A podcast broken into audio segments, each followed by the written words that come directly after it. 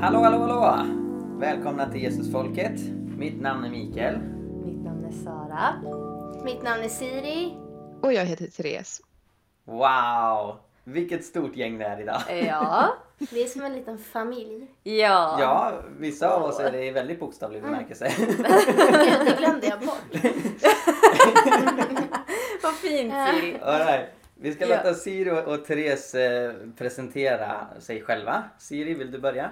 Eh, Jag eh, heter Siri Strand. Tidigare så hette jag då Grenholm. Mhm. Eh, Och så hör jag då samman med, med två i denna församling. Yes. Ehm, jag är nämligen Mikaels lilla syster.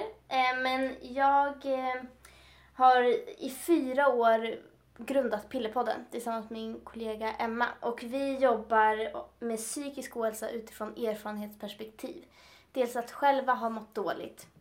Eh, men sen så också via att vi har eh, en podd som vi startade för fyra år sedan. Som blev väldigt stor som handlar om psykisk ohälsa. Så vi försöker föra ungas talan i olika sammanhang gällande det här ämnet. Men också ta på oss bara suga åt oss av deras kunskap av hur det är att vara ung och må dåligt idag. Mm. Och har precis kommit ut med boken Ryck upp mig. Mm. Det är det mest aktuella i vårt arbete just nu. Precis. Och föreläser massor. Ja. Mm. ja. Mm. Det är, och det så är coolt. så som jag, typ som vi pratade om innan, har träffat Therese. Ja. Via, liksom, via föreläsningar. Att jag, jag har sett Therese på posters här och var.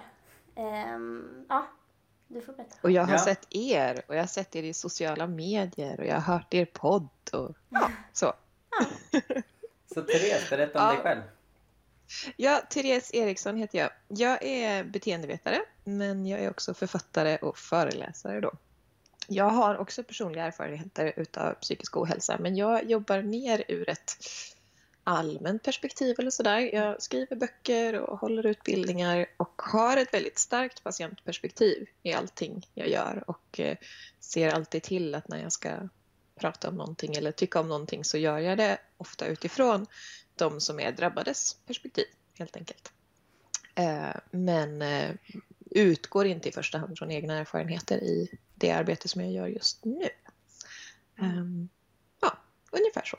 Mm. Ja, och som ni lyssnare kanske har misstänkt nu eh, så kommer vi alltså att prata om psykisk ohälsa idag i Jesusfolket och prata om det ur eh, flera olika perspektiv och eh, ja, men hur, hur vi kristna eh, ja, men så här, hur, hur vi ska hantera psykisk ohälsa både när det drabbar oss själva och folk runt omkring oss. Eh, om vad vi som församlingar kan göra. Eh, om typ själavårdens plats i det här. Eh, och så vidare.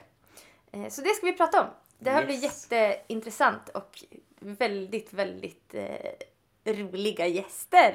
Ja, jag är Att ha så glad att, att vi lyckades få till detta. ja. Therese är ju med via Skype. Och vi sitter hemma hos Siri och, Ja. och spelar in. Ja men det, det är jättekul och ni är båda eh, förebilder. Verkligen. Eh, du Siri har ju Oj, följt på nära håll i många år och jag tycker du är så häftig och bra och du är så otroligt alltså, kunnig och duktig. Tack. Så ja, det är strålande. Och dig Therese, jag tror jag upptäckte dig bara för ett år sedan eller något sånt där. Eh, Men vi, vi ägnar oss åt en liknande verksamhet med författande och föreläsande och du har också lärt mig mycket. Så, Ja, men det är ömsesidigt. Jätteroligt att få vara med. Ja, ja men verkligen. Men eh, verkligen. ska vi kicka igång samtalet med frågan hur utbrett är psykisk ohälsa idag? Vad säger ni, ni som är experter på området? Alltså det där är ju... Det är lite tråkigt att det har blivit en så här omdebatterad fråga. Ehm, eftersom att väldigt många säger att, jag pratar då utifrån ungas psykisk ohälsa.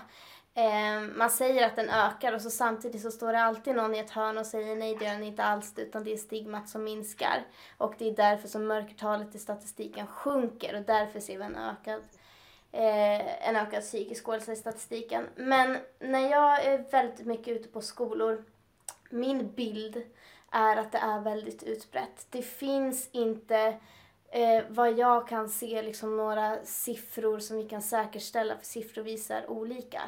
Eh, det man pratar om är den självupplevda psykiska ohälsan är väldigt stor bland unga idag och har aldrig varit så stor. Och då menar jag att det spelar ingen roll ifall den är eh, ifall det är psykisk ohälsa eller inte. För att vi har extremt många unga som upplever att de lider av psykisk ohälsa och det är väldigt, väldigt allvarligt. Mm. Mm.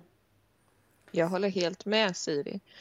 Eh, det är svårt att säga exakta siffror och man kan som ur ett forskningsperspektiv alltid vrida och vända på det. Men upplevelsen är absolut att det är väldigt många unga idag som uttrycker att de mår psykiskt dåligt på olika sätt. Alltså för det är ju en, en annan svårighet att psykisk ohälsa är ett sånt väldigt brett begrepp. Eh, vad vi menar med det och, och, vad det innebär egentligen. Men jag tror att de flesta idag, oavsett om du själv är drabbad eller om du sitter och samlar in statistik på någon myndighet, är rätt så eniga ändå om att jo, den psykiska ohälsan har ökat både hos unga och hos vuxna. Eh, det är faktiskt den vanligaste orsaken till längre sjukskrivningar hos vuxna exempelvis idag. Eh, så att det är ett stort problem i samhället. Mm. Men vad skulle, ni, vad skulle ni säga att det beror på? Mm, jag, eh, jag ser att det bör, allting rotar sig på något sätt i en ensamhetskänsla. Mm. Alltså oavsett vilken psykisk ohälsa det är. Väldigt många är rädda, väldigt många unga eh, är rädda för sina egna känslor. Eh, och man känner sig ensam i det. Man har som ung idag ofta en bild av att livet alltid ska vara på topp. Mm, eh, och det har vi fått från allt möjligt, inte bara sociala medier utan vi har en ganska frånvarande föräldrageneration idag. Eh, och unga växer inte upp lika, lika nära andra generationer. Alltså jag tänker, eh, vi hade ju privilegiet att vara väldigt, ha vår mormor hos oss väldigt mycket, mm. Mikael. Mm. Um, och där kunde vi hela tiden få bekräftat en bild av att livet har gått upp och ner via att se henne. Liksom. Uh, och det, är det, det ser vi att unga saknar lite idag.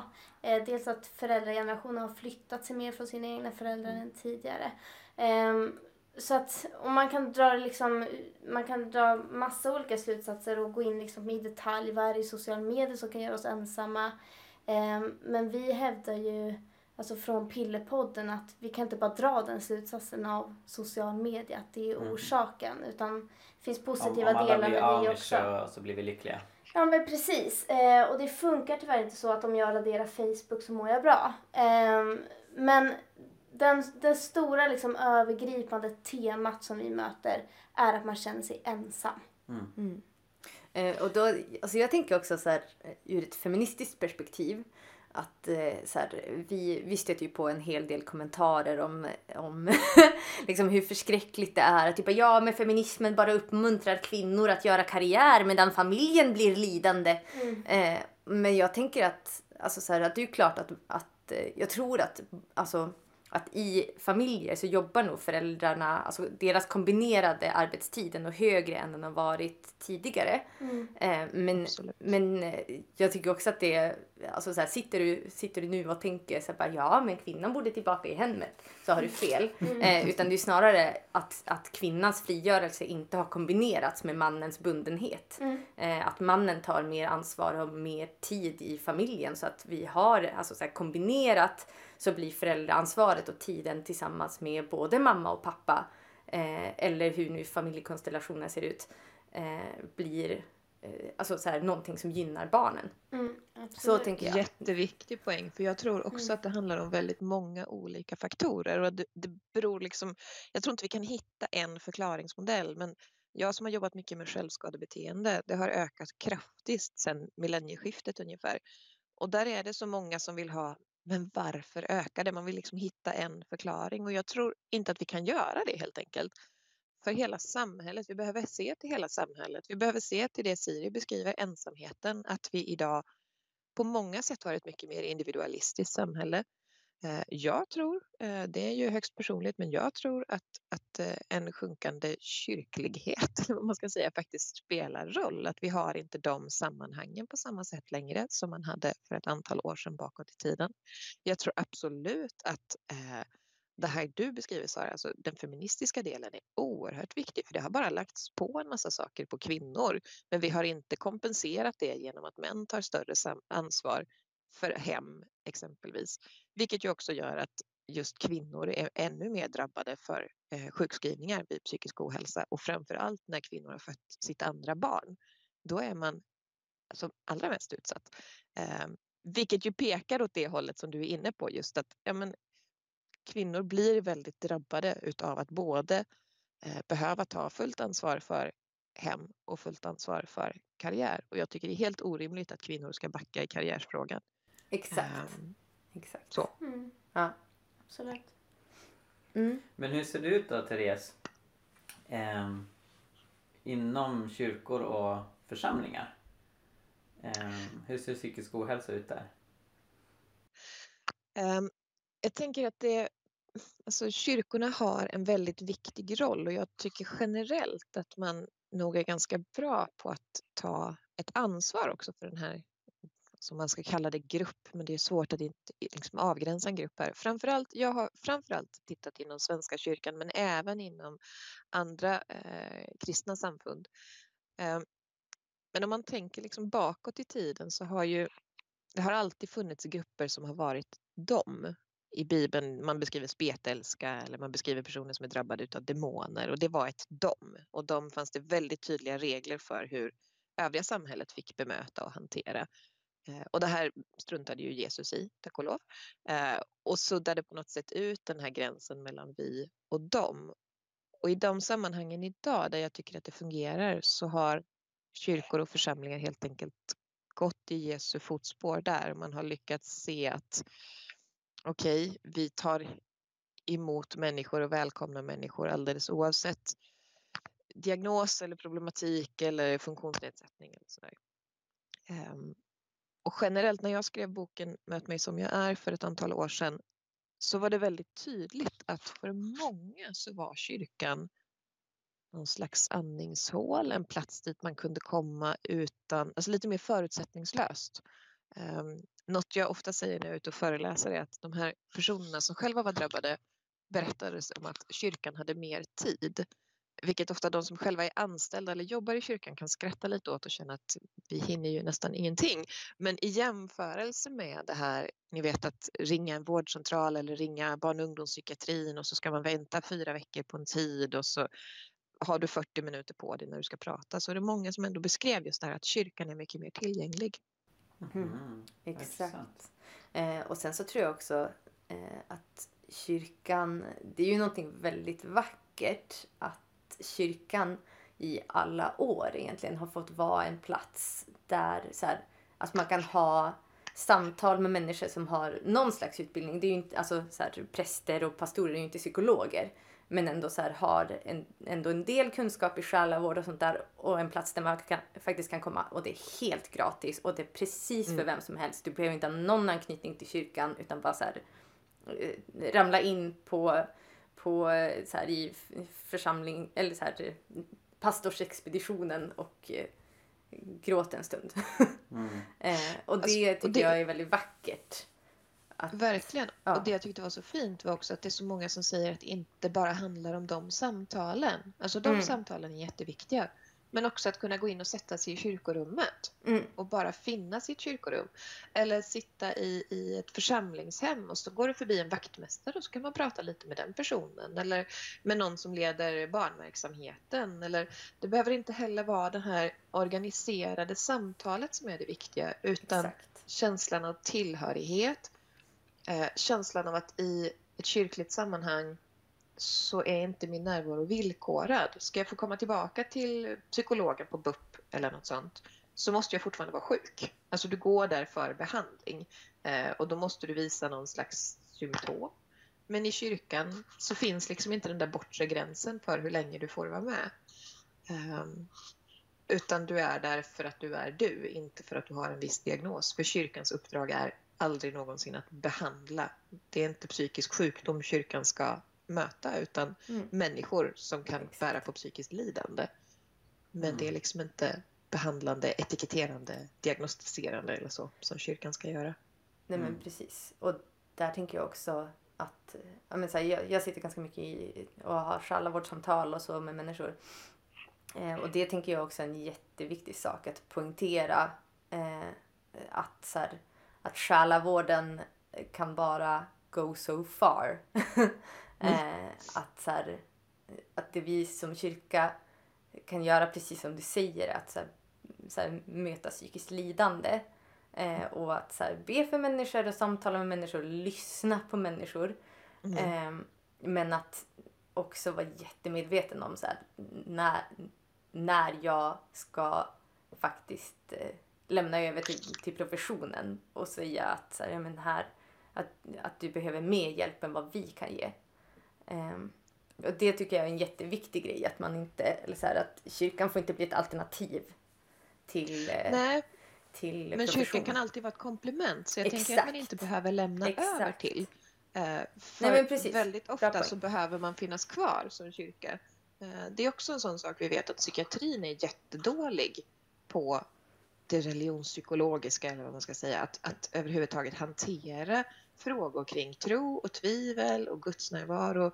Det, det tar inte psykiatrin i. Mm. Eh, så för personer som ändå har en gudstro så kan det vara otroligt viktigt att få ha de samtalen med en pastor, med en präst i kyrkan, i församlingen, Mm. men också finnas i psykiatrin. Jag tror, alltså för jag får höra mycket det. Um, alltså att den psykiska hälsan är ganska uppdelad. Alltså dels är det det biologiska och där går kanske diagnosen in. Eh, sen så är det alltså mer psykiska. ehm, det sociala, alltså psykiska som en underkategori i det psykiska. Eh, det sociala och sen det existentiella. Mm. Eh, och jag vet, eller jag själv har gått väldigt mycket i, i terapi och hos läkare och gjort, och just det här, precis som du säger Therese, alltså hos psykiatrin så har jag verkligen fått det här biologiska och eh, alltså det liksom kartlagt med diagnoser och med mediciner och hur det ska funka. Och sen så har jag fått det psykiska också delvis där men ganska mycket ja, men hos en psykolog. Och sen så har jag jobbat på den sociala hälsan eh, ganska mycket själv men det kan man också få hjälp av i psykiatrin. Men sen som det som jag har kvar nu i min terapi pratar vi jättemycket om det existentiella. Eh, och för mig så handlar ju inte det om att jag söker mig till kyrkan för att göra det, för där är vi också ganska olika, du och jag Mikael. Vi har tagit olika vägar där. Eh, utan för mig så handlar det om att så här, få prata om frågor som jag vet att man också gör i kyrkan, men jag gör det utanför kyrkan, få prata om frågor, eh, döden, Mm. Exakt. hur, ser jag, hur ser jag på död? Vad tror jag? Alltså jag fick en fråga i terapi, så här, vad händer när man dör? Och jag var ju så här helt lost liksom. Ehm, men, ja, men just det här, så här, men varför finns jag till? Vem lever jag för? Mm. Alltså för att mitt svar var ju där, så här, men, men jag lever mamma skulle bli så ledsen om jag inte finns. Liksom. Men hur ska jag leva för mig? Alltså sådana frågor som jag tror att det är så här, även om man inte hittar det, alltså det står ju kyrkan för. Mm. Men även om man inte hittar det i kyrkan så är det ju också sådana saker som jag tror har blivit bortglömd.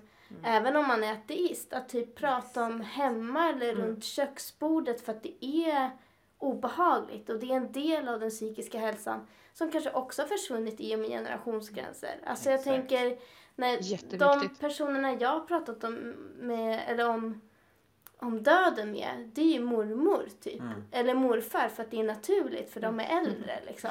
Mm. Och de lever mycket i det liksom. Med mormor som är, nu ska jag aldrig mer baka kakor i mitt liv. Och jag säger, men vadå du kan ju inte gå och liksom sluta baka kakor för du tror att du ska... Ja men det blir Ja. liksom närmare till de samtalen. Som Ja, jag tror är på väg bort. Ja men precis. Och jag tycker det är så på... Jag måste tänka... ehm, ja, hur som helst. I Göteborg Ja. så, så finns det en kyrkogård. Och sen när de liksom typ åh vi ska göra en mur runt den här kyrkogården och så gjorde man det. Och så gjorde de så här portar in i den här kyrkogården och eh, över en av portarna så står det bara Tänk på döden! Mm. Ja, just Eh. det. det är vid Mollösund. Eh, Jaha, det kanske finns där också. Ah, Ja, ja, jag vet inte. Ja. Men det, i alla fall Mm. så det, det ligger väldigt nära Skandinavium. Jaha, okej. Eh, och ja. Det, jag tycker det är en intressant grej för att jag tror att när det, när det skrevs så var inte det någonting provocerande för människor. Nej. Utan det var liksom bara så här, ja, nej men det är ju viktigt att tänka på det. Liksom, det var någonting så här, det var liksom en sån naturlig del av livet att vi Ja. kommer en gång dö. Ehm, medan idag så är ju det en jätteprovocerande grej att skriva någonstans. Bara, varför ska jag tänka på det? Jag vill inte tänka på det. Mm. Eh, verkligen.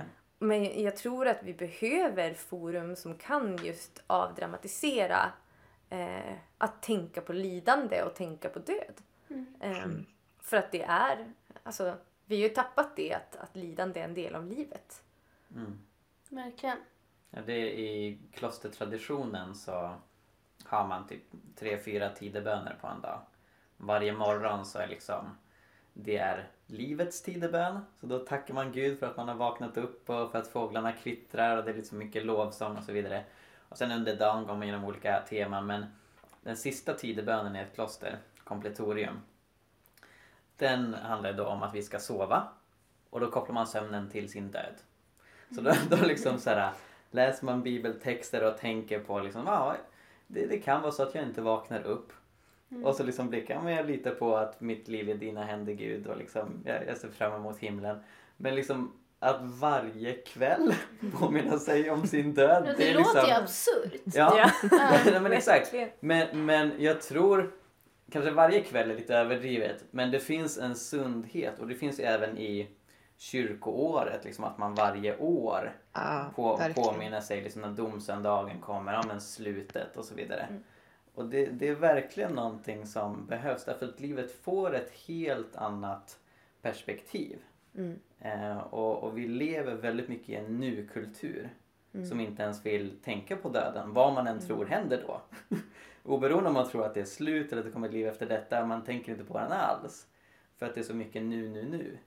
Och, och det tror jag skapar eh, många olika problem. Bland annat liksom en, en osäkerhet och ja, att, att man inte riktigt vågar slå sig ner. Men hur tänker ni att det... Alltså, för på ett sätt så kan jag tänka att, att det kan grunda sig i en rädsla för psykisk ohälsa. Att så här, ja, men tänk ifall jag börjar tänka på döden, ja men vad händer då? Liksom, alltså, att, att människor är så rädda för att överhuvudtaget konfronteras med sådana här tankar. Eh, och jag tror också att det är en del i att, så här, att vi inte vill ha tiggare på gatan typ och att vi inte vill, vi vill inte se lidande. Ehm, och så här, vi, vi måste kunna liksom värja oss för alla de där sakerna. Eh, och jag vet inte om det kanske har att göra med eh, rädsla för att eh, så här, drunkna i det. Liksom. Jag tänker att det handlar mycket om att rädsla att inte ha kontroll. Alltså det är saker vi inte kan kontrollera och det är vi inte vana vid. Väldigt, väldigt mycket i livet idag kan vi kontrollera. Vi har jättemycket läkemedel, vi kan bota det mesta, vi kan lindra, vi kan göra väldigt mycket tekniskt. Men det finns vissa saker vi inte kan kontrollera och dit hör döden. Dit hör lidande på den nivån att människor blir hemlösa. Eh, Jag tycker jag mötte det även jag har jobbat inom sjukhuset med svårt sjuka människor både i, i cancer och väldigt mycket för tidigt födda barn exempelvis. Och det är så tydligt att vi är inte vana vid eh, att möta de här, liksom när livet ställs på sin spets. Eh, jag tycker ofta jag hör föräldrar prata, jag har farmor ska dö, hur berättar vi det här för en treåring? Ska vi berätta det på vår treåring? Ska, ska treåringen få följa med till sjukhuset? Det känns som att det är svårt överhuvudtaget, de här sakerna som vi inte kan kontrollera. Vi, vi känns liksom som att vi, inte riktigt, att vi själva inte kan hantera, att vi inte kan kontrollera det, att vi inte har makt över, över de delarna av livet. Ja, alltså när vi pratar om så här hur vi ska förebygga suicidalitet eh, och hur vi ska göra det i tidiga åldrar så handlar det om att berätta för barn att, att livet kommer göra ont men vägen ut ur det är att fortsätta. För att de suicidala barn som vi träffar på BUP de är ju liksom övertygade om, eller suicidalitet är ju liksom till sin spets många gånger att ja men vägen ut ur mitt lidande är att dö. Och det är ju mitt alternativ när jag känner smärta.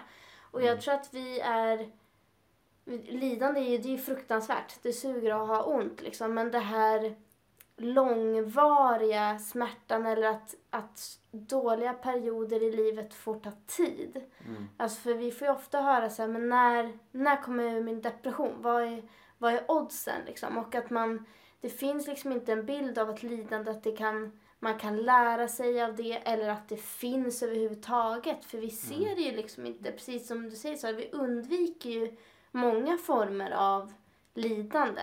Och det blir ju, alltså i slutändan så kan ju det bli farligt. Och det är därför vi som vuxna måste ju vara mer transparenta med att, med att livet är tufft ibland. Alltså jag pratade med min systerdotter, jag barnvaktade ju henne eh, väldigt mycket när jag mådde egentligen som sämst när jag var 18 och hon måste ha varit, vänta nu fyllde hon 13 så hon är, vad är Ja. Mikael, 13 minus 5. De växer som svampar de där Ah. syskonbarnen. Ja. Eh, men vad blir det då? Åtta. Eh, men även också ja, men när jag var yngre, när jag var 16 så där, så att hon, hon har berättat för mig, då var hon sex år gammal, hon kände av att jag grät i rummet intill. Och sa att hon hela tiden kände, hon var lite, hon var orolig för mig. Och då var jag så här, jag grät i rummet intill, när jag var med henne var jag väldigt närvarande. Men barn känner ju av. Och, och vi måste liksom, det är så mycket bättre att, att berätta att nu är livet tufft. För det finns Ja. ett förebildskap i det. Eh, så att, för att lidande kommer komma och vi måste bli mindre ensamma i det. På alla plan. Mm. Och där tänker jag att, eh, alltså att vi som församling har, eller församlingar har extremt mycket att jobba på. Eh, för alltså så här, att även om vi kan vara ett lyssnande öra och så, så, så eh, kan jag... jag men, att det finns i många församlingar liksom en förväntan på att man alltid ska vara glad och att allt ska vara så fint och tillrättalagt och så här typ jaha hur är det med dig? Bara, jo, ja, men det är bra. Eller så här att, att det liksom Jag tror framförallt frikyrkoförsamlingar. Ja, ja verkligen så. Eh, och att ja, men, jag, eh, jag och några kompisar i eh, Göteborg hade så bestämt oss för att bara, nej, vi ska faktiskt vara ärliga när folk frågar. Alltså bara så här slentrian, slentrian frågar hur är det? Att bara, nej det är ganska dåligt just nu. Och folk blir så ställda. Mm. Alltså så här, för att det är inte, alltså det är inte alls det man förväntar sig att höra utan så här, man vill bara höra att allt är bra. Eh, men att faktiskt vara öppen med det är ju någonting som provocerar ganska mycket i, eh, i församlingar. Och eh, Therese, hur tänker du att man ska jobba med det? Hur skapar vi liksom en kultur där vi faktiskt kan vara transparenta? Alltså jag tänker att mycket handlar ju om att vi måste börja i oss själva. Precis det här samtalet vi har haft nu kring lidande. Att vi måste orka stå ut med andras lidande. Ehm, och inte alltid skynda till förändring, för ibland är inte förändring möjlig. När vi pratar nu om psykisk ohälsa här i podden så liksom, det kan innebära så mycket. Vi kan prata om en person som lever med en funktionsnedsättning, som lever med en svår form av autism eller som lever med ständigt återkommande depressioner och har gjort det i 30 års tid eller har en eh, svår psykossjukdom som man har levt med under väldigt, väldigt lång tid. Och där kanske det är svårt att säga att ja, men håll ut tre veckor så blir det nog bättre. Eh, för har du levt i 30 år och livet har sett ungefär likadant ut så är det inte så sannolikt att livet kommer förändras i en handvändning. Och då handlar väldigt mycket om att istället för att vi måste lösa problem, eh, att faktiskt orka vara i det svåra. Eh, precis som du pratade om ensamheten Siri, att kan vi inte förändra situationen, vilket vi faktiskt, om vi ska vara ärliga, väldigt sällan kan sådär helt handgripligen för en annan människas liv, så kan vi åtminstone vara i det svåra. Så jag tror att det är där vi måste börja, att orka vara i lidande oavsett hur det ser ut och vilken form det har. För det gör åtminstone att den som själv är mitt i det blir mindre ensam och får någonting att hålla fast vid, någonting som är ljust. Eh, även om det är mörker omgivande. Så i den änden tror jag att man måste börja att faktiskt, vi måste erkänna att det finns och vi måste hantera det i oss själva, orka vara i det utan den här tvungna känslan av att jag måste fixa, jag måste lösa, vi måste förändra det här. Precis, och då också som en, eh, alltså för att komplettera det man möter mycket inom vården och på vårdcentraler. Att, så här, att du måste bli frisk. Liksom. Eh, Mm. och att inte sätta det kravet på människor. Eh, att så här, det spelar Nej, ingen precis. roll om vi ser en förbättring eller inte. Utan du... Eh, ja, men så här, att, att vara en plats där man får vara oavsett. Ja. Alltså, och en sån svår fråga som, som jag skrev en del om i boken och som faktiskt var kanske de svåraste kapitlen att skriva handlade om just om bönens roll och hela den delen med Okej, vi är kristna, vi tror att Gud kan läka, vi tror att vi kan be till Gud och, och lita till att Gud kan hjälpa oss. Ehm, men vad händer om vi ber och ber om helande, ber att få bli friska från en sjukdom men ingenting händer? Mm. Vad är det som är fel? Är det vår bön som är otillräcklig? Det var flera personer som jag intervjuade som, som pratade om just den här svårigheten att det är så lätt att hamna i någon slags framgångsteologiskt vi måste bara be lite till för Gud misslyckas ju aldrig så att då måste det vara du som har misslyckats med att be tillräckligt mycket eller vara tillräckligt from eller så här. Och den delen är också jättesvår men så viktig att vi ändå liksom medvetandegör och har, har pratar om helt enkelt. Vi, det är klart, självklart ska vi be för varandra. Självklart ska vi be om helande och läkning. Men vi måste också fundera på vad, vad signalerar vi om, om faktiskt den, det helandet inte kommer så plötsligt som vi hoppas. Eh, Lägger vi bördan tillbaka då på den som är sjuk eller den som behöver hjälpen? Eller hur, hur kan vi fortsätta ett samtal därifrån? Mm. Innebär det att Gud har övergivit? Nej, inte nödvändigtvis. Eh, Men hur pratar vi om den delen? Mm. Ja, verkligen. Och där tänker jag också att vi... ehm, ja, men, det, det viktiga i att faktiskt bara be för det personen ber att man ska be för. Eh, Mm. För att för många kan ju det vara något väldigt smärtsamt att så här, eh, ja, men folk har bett för helande för mig en massa gånger och det händer ingenting och jag känner mig bara övergiven av Gud när folk ber sånt. Eh, Mm. Och så här, men om personen inte ber mig be för ett faktiskt konkret helande så brukar jag vara väldigt försiktig med att överhuvudtaget nämna det. Mm. Eh, För att det kan vara väldigt mycket sår i det.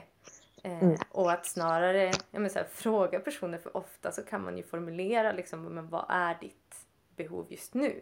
Och det kanske är snarare att så här, men jag behöver eh, eh, jag skulle vilja eh, att Gud hjälpte mig att sova lite bättre. Eh, att det kan vara liksom någonting mer på en mycket mer grundläggande basal nivå. Bara för att få livet att fungera. Eh, Precis. så, och det tror jag är en jätteviktig sak att tänka på. Eh, ja, men, eh, som för, församlingsledare eller i, så här, som förebedjare. Eh, Mm. att, att ha den, den, det lyssnandet i vad folk ber en be för. Ja. Eh, För att det kan ju nästan bli ett andligt övergrepp. Eh, att eh, så här, om, om så fort man går fram till förbön att folk som vet att man mår dåligt direkt ska börja eh, formulera böner kring det som jag inte ens överhuvudtaget ville att de skulle nämna. Mhm. Mm. Jag jag älskar det i Bibeln när det kommer fram en blind man till Jesus. Och han ropar liksom Jesus, Jesus förbarma dig över mig. Och så kommer fram och liksom han får hjälp av lärjungarna för han kan inte se någonting. Och ställer han sig framför Jesus och säger Jesus Vad vill du att jag ska be för? Mm. Precis. Så liksom ingenting för givet. För Nej. att han kanske hade ont i tån och att det var det han ville. eller, eller något helt annat. Va? Men Mm. eh, just det fallet var det synen. Men, men det visar på en respekt som finns hos Jesus. Att han, att han vill eh, möta oss där vi är. Precis.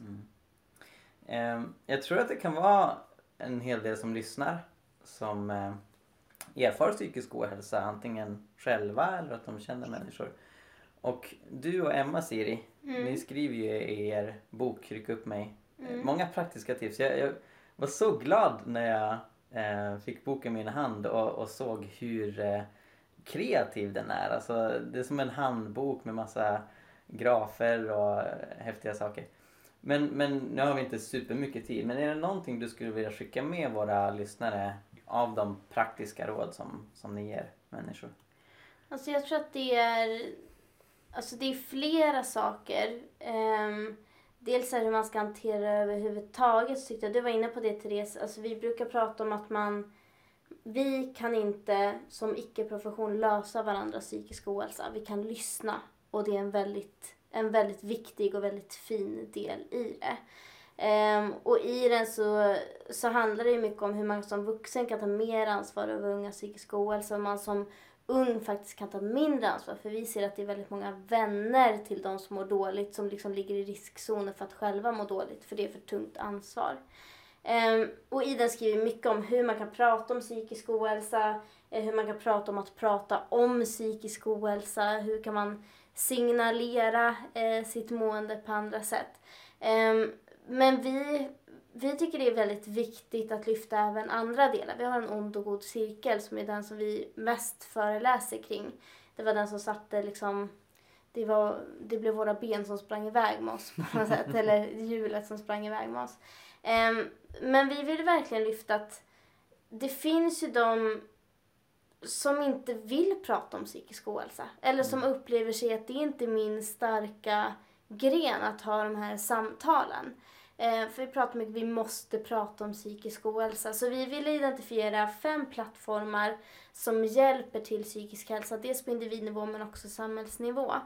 Och den första där är att bli mer medveten om psykisk ohälsa. Och det kan man ju bli, ja men bara att man är lyhörd för det egentligen. Um, och med medvetenheten efter det så pratar vi om att man ska vara normkritisk, eller man kan vara normkritisk om man redan är bra på det. Så liksom rocka den ännu lite mer. Eh, vad finns det för normer i samhället? Var liksom lyhörd för det.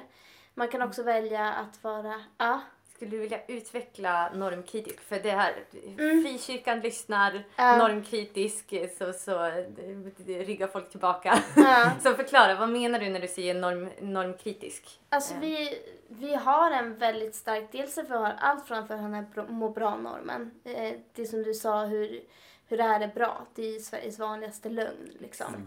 Um, men sen så också, det handlar väldigt mycket om normkritik när det kommer till psykisk ohälsa därför att normen får ju... De som är utanför normen, det är där ensamheten rotas. Det är där den psykiska ohälsan blir som starkast. Transpersoner är den absolut största riskgruppen. 40 procent av alla transpersoner har någon gång försökt ta sitt liv. Mm. Alltså vi måste, om vi ska behandla psykisk ohälsa så kan vi inte inte se vilka normer vi har. För att de dödar. Mm. Så att även om man tycker själv att det är obekvämt, då är det ju just för att man själv inte har prövat på någon kritik. Pröva på det och känn dig lite avslappnad istället. Möt andra människor, men också se vilka, vilka, vad har vi skapat för någonting som gör att vissa kanske inte känner sig lika välkomna i mm. vårt rum. Kyrkorummet är ju ett sånt som vissa upplever, även fast många upplever som jag pratat om att kyrkan verkligen är någonting där man blir sedd för det man är, där man får komma och bara vara, så kan också kyrkan upplevas som något som just låser ut och är en plats mm. där kan jag inte komma mm. och bara vara. Eh, att man känner sig dömd i kyrkorummet, att man känner sig... Eh, jag, jag pratade med en, med en tjej som har eh, samma diagnos som mig, bipolär sjukdom, jag är både den och borderline. Hon sa att jag kan inte gå in i en kyrka med min familj för kyrkan kommer rasa över mig. Mm. Liksom. Mm. Eh, liksom, hon var helt övertygad. Nu hade hon eh, typ 1, hon var, ganska, hon var väldigt svårt sjuk. Men hon, det var verkligen hennes upplevelse. Här, mm. här finns det så många regler. Så här mm. rasar det. Mm. Och att vara tydlig med det. Att precis som ni pratar om, när ni pratar om kyrkan, att det är tvärtom. Här ska mm. alla få vara. Så normkritik är en väldigt viktig del som kyrkan kan ta till sig. Mm. Och alla, liksom skolan är också en sån plats. Um, så där har vi den. Sen så har vi öppenheten. Mm. Alltså öppenhet föder på något sätt samtal. Om man har svårt, vi får ofta frågan hur Alltså jag vet att den här personen mår dåligt men jag får inte ur den eller jag får inte mm. personen till psykolog eller hur ska jag göra? Eh, öppenhet är det liksom som är nyckeln som låser upp till att andra kan börja prata även om man själv inte vill leda det samtalet. Men det var ju det vi byggde vår verksamhet på. Alltså anledningen till att jag sitter och berättar om, om min, alltså mina diagnoser och hur jag har mått. Det är för att det är min nyckel för att få andras erfarenheter. Mm. De vet att jag kanske inte fattar helt men jag vet ändå vad det handlar om. Liksom. Mm. Så att anamma den öppenheten. Och det, kan, det behöver inte handla om det. Det kan handla om att ha en bok i bokhyllan. Therese eller min bok till exempel. Ehm, och sen så, har vi, då, sen så är det samtalsplattformen. Mm. Ehm, sen så den sista är kunskap. Mm. Eh, läs på. Vi har pratat med eh, många gubbar eh, som undrar hur ska jag, jag är inte alls van att prata.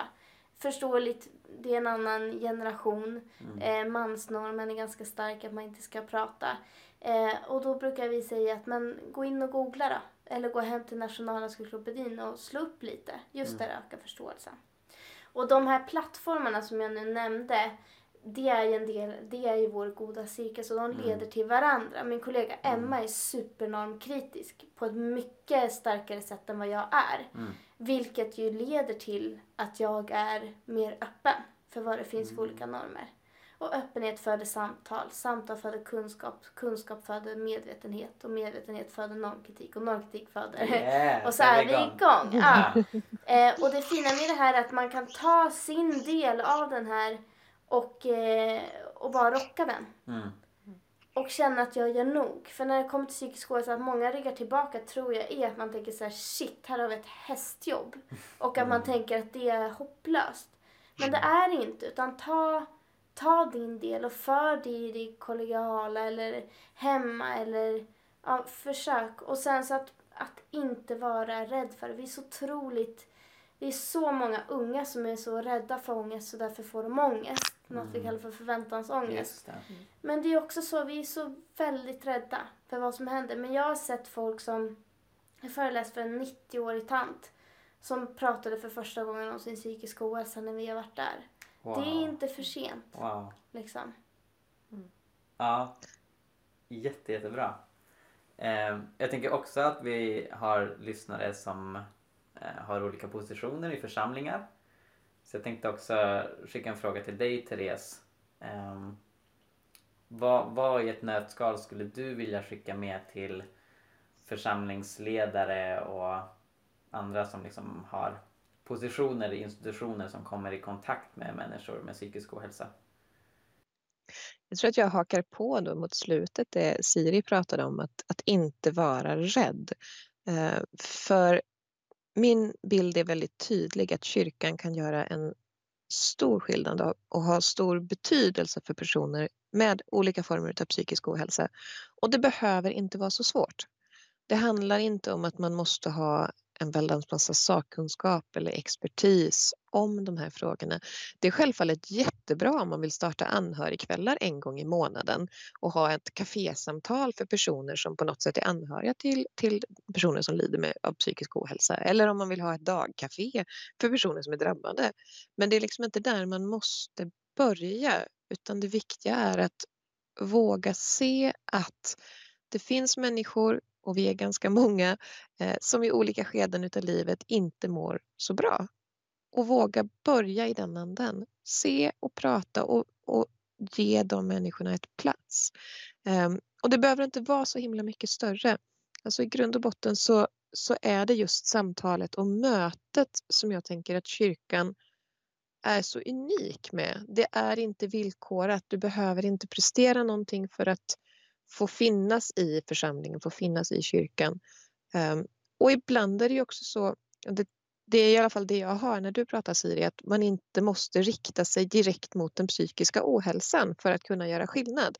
Utan det är viktigt också att en människa som, som kanske är jättedeprimerad också får göra någonting roligt, också får må bra en kväll eller en eftermiddag i församlingen. Så de, alltså, någonstans där så är det, det jag vill liksom uppmuntra till, det är modet att våga göra, modet att våga se och lita till att bara det faktum att vi bereder plats och öppnar upp för möjligheten att det finns människor med erfarenhet av psykisk ohälsa mitt ibland oss och det är inte dem, det är vi. Det är vi som är drabbade. Om man kan gå in med den inställningen så kan man göra väldigt stor skillnad med väldigt små medel. Mm. Och så tänker jag också att, att eh, församlingen är ju också eh, en unik plats på det sättet att det sker så många generationsmöten. Och just så här, ta vara på alla mormödrar och farar, Farfäder. farfäder eh, som finns där. Eh, som Mm. kan berätta för unga hur livet inte alltid är så himla eh, trevligt och en kaka till. Eh, utan, utan som kan just få berätta om sin livsresa och hur det har gått upp och ner och att uppmuntra den generationen och verkligen vara, ha den här öppenheten som jag tror att de eh, bär på väldigt mycket. Och som också så här har, haft, har fått distans till de, eh, de tiderna i livet också. Ja men verkligen. I min församling så ska vi till våren ha det som någon lite skämtsamt kallade tre bedrövliga torsdagar. Men vi ska helt enkelt ha öppna samtal utifrån tre olika svåra ämnen där jag bland annat ska prata självskadebeteende. Jag tänker att det är också ett sådant sätt att öppna upp, att säga att det här finns i vår församling också. Eh, och så samtalar vi kring det. Och jag tror att ju mer vi klär av det här som skrämmer, desto lättare blir det att närma oss det utan rädsla. Mm. Så bra. Så fler bedrövliga torsdagar, eh, att befinna sig i goda cirklar och att eh, eh, lyssna på äldre. Ja, verkligen. Mm. verkligen. Det är Hörrni, bra saker. tack så jättemycket för att ni har varit med i Verkligen. Jesusfolket. Tack själva. Tack. Superspännande. Och, eh, vi påminner än en gång, eh, Siri kan man kolla mer på på pillerpodden.com och lyssna på nämnda podd och eh, Läsa, boken, Ryck Eh, upp mig. Precis. Therese Eriksson, eh, din hemsida är thereseeriksson.se Japp. och eh, där kan man boka dig som föreläsare och där finns också information. Du har skrivit flera böcker ska vi säga. Ja. Vi har pratat om Möt mig som jag är. Vilka fler böcker Ja. har du skrivit? Eh, Jag har skrivit en bok till som heter Slutstation rätt psyk. Eh, Och sen har jag skrivit lite artiklar om just kyrka och eh, psykisk ohälsa och sådär. Mm. Så det finns lite läsa på hemsidan. Strålande. Tack så jättemycket. Tack. Tack. Tack! Ja, så... eh, Ja. Så... Då var det slut. Då var det slut. Vad brukar vi säga i slutet? Jag vet inte vad vi brukar säga i slutet. Hej, hej då, Gud välsigne er. Ja, Ja. vi säger så. GVE som man säger om man är, Nej, om man är cool. Äh. Ja. Si- Siri upptäckte jag så här skickade till mina kompisar på MSN bara GVD. Ja, jag bara, det här får du sluta med. Det har jag inte slutat med. Men du har inte kvar kompisarna. Nej. Av förklarliga orsaker. Tack så mycket och vi för att ni har lyssnat. Alla poddlyssnare och vi hörs igen Adiós. Adiós.